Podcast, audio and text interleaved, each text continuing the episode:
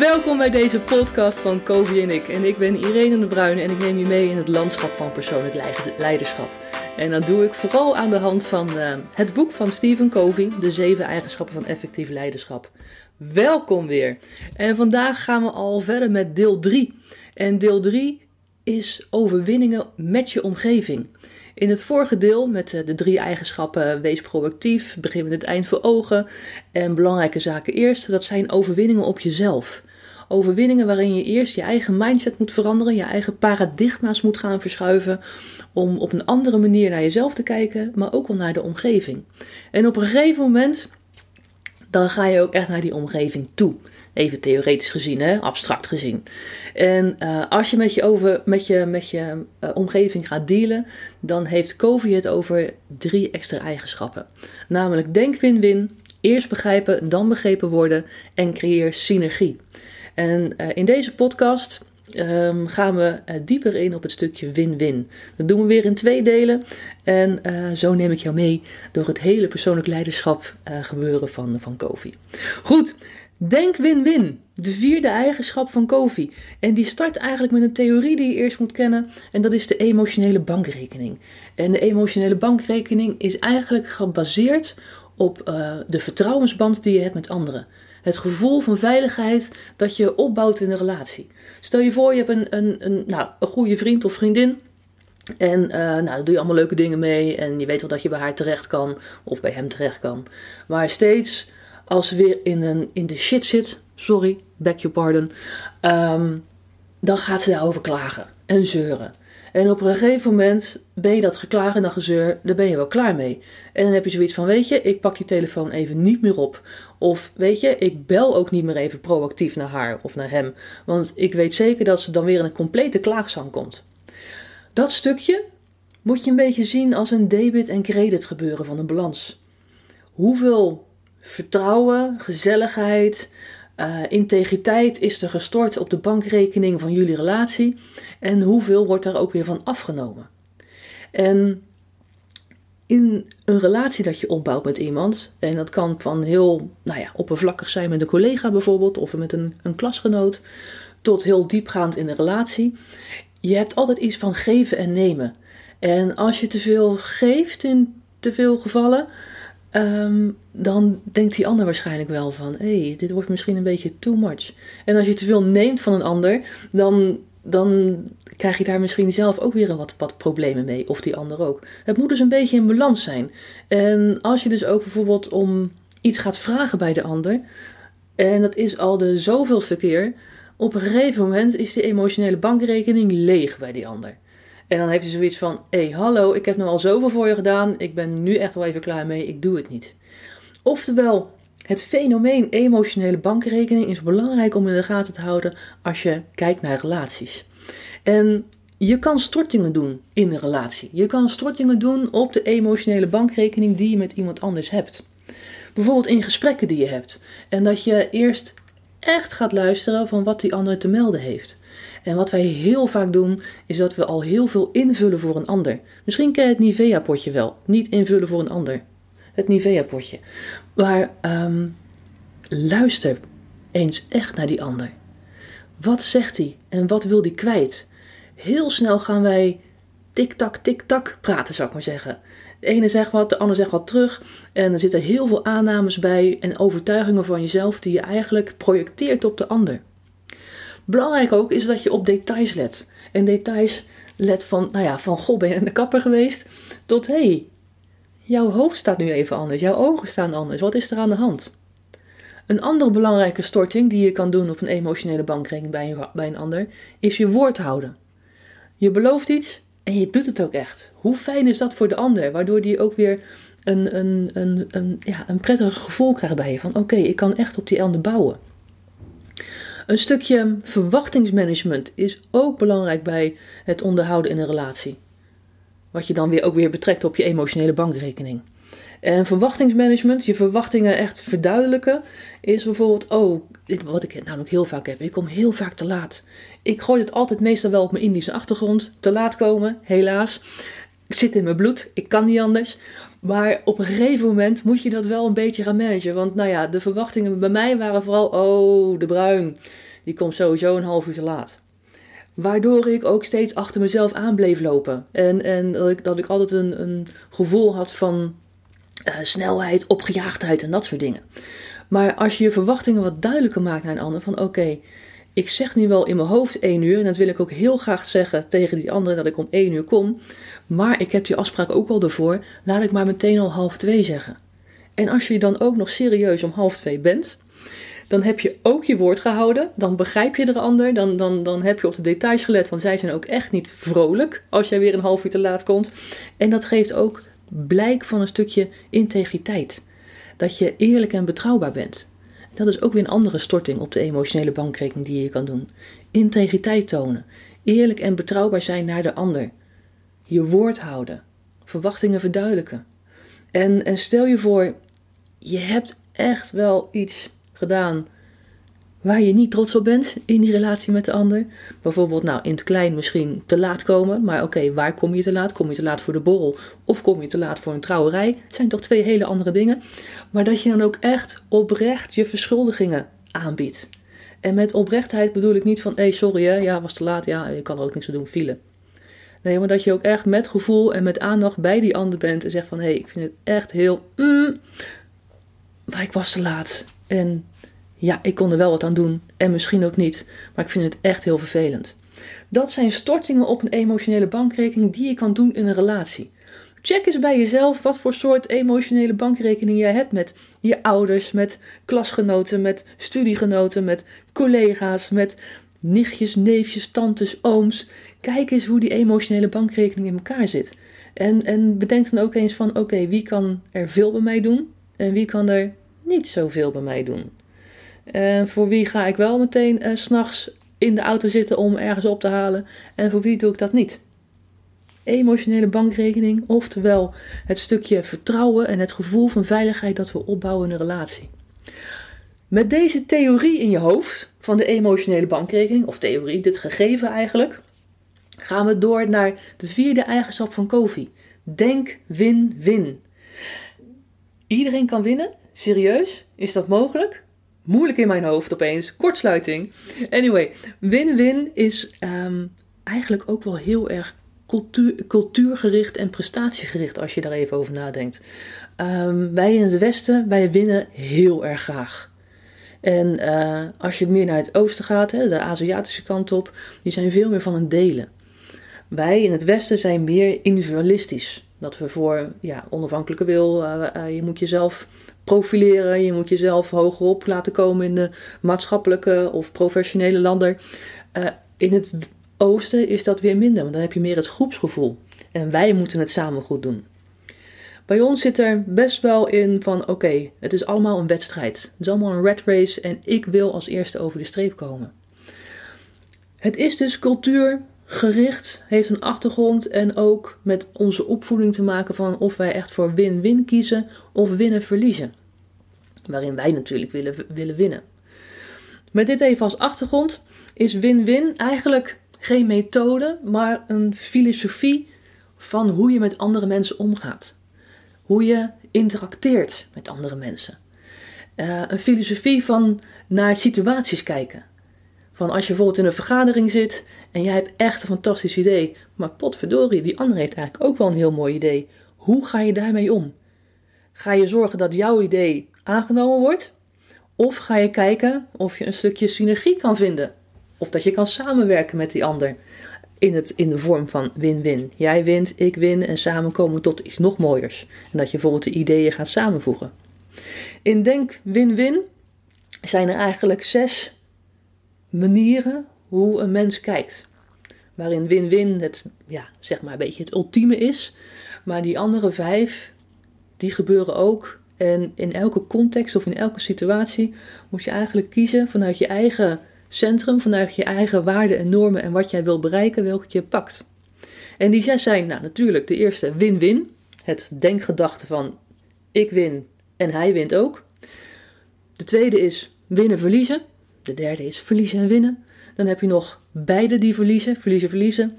En ook nog winnen, alleen maar winnen. En win-win of geen akkoord. Die zes die ga ik kort met jullie doornemen. Of ja, kort, ik weet niet of ik het kort kan. Want het is zo leuk, win-win. Anyway, win-win is eigenlijk een oplossing die voordelig is voor alle partijen. Net zoals dat voorbeeld van net. Je zit in een vergadering, jij hebt een fantastisch idee, maar die andere heeft ook een idee. Dan ga je samenwerken. Waardoor je met al, ieders tevredenheid eigenlijk uit die vergadering gaat stappen en ook ja, de actie gaat ondernemen om allebei de ideeën te gaan samenvoegen bijvoorbeeld. Als je zo'n win-win situatie hebt, dan zal je ook merken dat iedereen zich inzet voor dat idee wat jullie hebben bedacht. En uh, iedereen inzetten zijn dus dat, dat niet iemand achterover gaat leunen en gaat kijken van, oh ja, het zal mij tijd wel kosten, bla bla bla bla. Je gaat ook meer samenwerken. In plaats van dat er interne rivaliteit is. Dat er een soort competitie is. Wel heel belangrijk is dat als je win-win gedachten aanneemt, dat je als uitgangspunt hebt dat er voor iedereen genoeg is. En succes hoeft niet te kosten te gaan van iemand anders. Dat is best lastig in onze westerse maatschappij om dat te bedenken. Dat als je een taart hebt en die, eigenlijk, die je eigenlijk alleen wil opeten, dat je ook stukjes afsnijdt voor iedereen. Om, zodat je gaat samenwerken, dat er geen interne competitie is en zo verder. Win-win is ook het geloof in de derde weg. En met de derde weg bedoel ik van jij hebt een idee, die andere heeft een idee en samen heb je een derde of een ander idee. Het is niet jouw benadering, maar echt met een, met een, met een, met een hogere intentie eigenlijk. Om echt te willen samenwerken, om dingen samen te willen oppakken. En dat ieder tevreden is. Denk win-win is echt nou het ultieme om te doen in je dagelijkse werkzaamheden, maar is zeker niet de eenvoudigste. Een uh, meer eenvoudige is bijvoorbeeld winnen verliezen, de tweede. Als ik win, dan verlies jij. en dat heeft een beetje ook, nou ja, dat zit een beetje in onze cultuur. Um, gaat ook een beetje uit van een stukje autoritair leiderschap. Het gebruik van je positie, het gebruik van je macht. Hoeveel diploma's heeft die persoon in zijn bezit? Wat is zijn imago? En um, iemands waarde zit niet van binnen, zal ik maar zeggen, maar wordt echt gemeten aan de prestaties die hij doet. Of het verwachtingspatroon wat je hebt als je zo'n persoon ziet. Competitie dus eigenlijk. En met winnen verliezen, denk gewoon ook aan een sportwedstrijd. Als ik win, dan verlies jij. Haha, dan zijn wij beter, staan wij nummer 1 in de competitie. Winnen, verliezen. Je hebt ook nog verliezen, winnen. En als je dat hebt, als persoon zijnde, als paradigma zijnde, als overtuiging zeg maar, dan heb je het gevoel van, weet je, doe jij dat maar. Oké, het is wel mijn idee, maar ja ik, ja, ja, ik gun het jou wel, het is oké, okay, doe jij dat maar, ga jij maar met de eerst strijken. Dat zeg je misschien niet zo, maar dat denk je wel. Denk aan uh, bijvoorbeeld een hele grote snoepzak die je vroeger kreeg om uit te delen op school. En dan is het natuurlijk altijd wel de kunst, zal ik maar zeggen, om ook een snoepje voor jezelf eruit te houden. Maar als je gaat uitdelen en opeens ben je met het uitdelen bezig en heb je in de raten van hé, die snoepzak is helemaal leeg en ik heb zo meteen helemaal niks, dan ben je eigenlijk met verliezen winnen bezig. Oftewel, eigenlijk heb je geen verwachtingen. Dat is wel heel cru gezegd natuurlijk, maar ook eigenlijk geen visie en geen eisen. Jouw maatstaf ontbreekt. Die snoepzak die is al leeg voordat je er überhaupt zelf aan kon beginnen. En dat ergens keer gaat dat uh, knagen van binnen. En gaat er knagen op zo'n manier van: hallo, ik ben niks waard. En ik vind het allemaal helemaal niet meer tof worden. En mensen vinden me ook helemaal niet meer aardig. En hoezo? Ze gebruiken me alleen maar. Als je het paradigma hebt verliezen winnen, dan laat je je ook sneller intimideren. Of makkelijker intimideren. En je streeft ook vaak om aardig gevonden te worden. met het idee van, alsjeblieft, neem maar. En ja, het maakt mij niet uit dat ik niks meer heb, maar neem jij maar. En door al die activiteiten, die situaties, die gedachten bij elkaar te gooien, op een gegeven moment gaat dat ten koste van je eigen zelfrespect. En dan komt altijd een keertje terug. Op een gegeven moment heb je te veel meegemaakt waarin je steeds maar aan het verliezen was, zal ik maar zeggen. Dat je hebt van, oh man, ik ben toch niks waard. Verliezen winnen is een hele gevaarlijke. Op zich net als winnen en verliezen, andersom. Dus dat jij de, de winnaar bent, zou ik maar zeggen. Want op een gegeven moment, ja, dan sta je op die hoogste sokkel die er is. En kijk je uit over het landschap van allemaal mensen die onder jou staan. Ja, wat dan? Dan heb je weer zoiets van, is dit alles? Wat is mijn volgende stap? Dus alle, alle situaties, alle paradigma's die ik nu ook ga benoemen, zou ik maar zeggen, winnen-winnen, winnen-verliezen, verliezen-winnen in dit geval, hebben zijn voor- en zijn tegens. En in elke context, met elke situatie, moet je kijken welke je wil pakken. De vierde is verliezen, verliezen. En die komt eigenlijk tot uiting in twee karakters. En stel je voor, je hebt twee personen tegenover elkaar staan die allebei een win-win karakter hebben.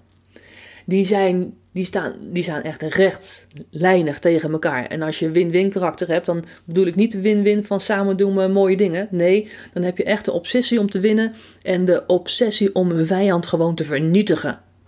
Dat klinkt echt wel heftig, hè? Anyway. Dus dan sta je echt tegenover elkaar. En ja, hé, je kent waarschijnlijk die uitspraak wel van het hond met het bot. Twee honden, derde loopt ermee weg. Hè? Zo ongeveer in die hoek. Je verliest allebei. Dus als je twee win-win karakters hebt die echt, die echt tegenover elkaar staan, die niet die win-win gedachtegoed hebben, van samen doen we het beter. Nee, die echt tegenover elkaar staan, dan verlies je allebei. Daarnaast heb je ook nog, stel je voor dat er twee personen zijn die eigenlijk een verliezen karakter heeft. Eentje van, ik, ik verlies wel, dat is goed. En die andere heeft ook zoiets van, ja, ik verlies ook wel, dat is ook goed. En nee, doe maar. Nee, doe jij maar. Nee, doe jij dat maar. Nee, het is goed. Daar word je ook niet vrolijk van. En uh, daarnaast kan het ook zoiets zijn van, hé, hey, als ik die offerte niet krijg, dan krijgt niemand die offerte. Ik ongelukkig, iedereen ongelukkig. Verliezen, verliezen. Of je hebt twee karakters van winnen tegenover elkaar, of twee karakters van verliezen tegen elkaar. En allebei is niet prettig. Dan heb je nog de winnen-categorie. En dat zijn meestal de mensen die, die een bepaald doel voor ogen hebben, die eigenlijk niemand anders iets aangaat, maar dat ze het gewoon voor hunzelf willen doen. En ze zijn niet op iemand anders uh, nederlaag uh, gericht, zal ik maar zeggen. Van jij moet verliezen, want ik wil dit doen. Nee. Maar ze willen gewoon hun eigen zaakjes goed op orde hebben. En ze vertrouwen erop dat anderen dat ook doen. Oftewel, hé, hey, ik vind het bijvoorbeeld heerlijk om alleen op vakantie te gaan. Echt vind ik fantastisch. Waarom? Omdat ik dan met niemand rekening hoef te houden. En hoe fijn is dat? Dat je gewoon kan doen wat jij wil. Dat je het museum kan bezoeken wat jij wil. Dat je die wandeling kan maken die jij wil. Dat je kan gaan stappen omdat jij dat wil. Omdat je dat zelf wil. Dat je dat zelf, en daar doe je niemand anders kwaad mee.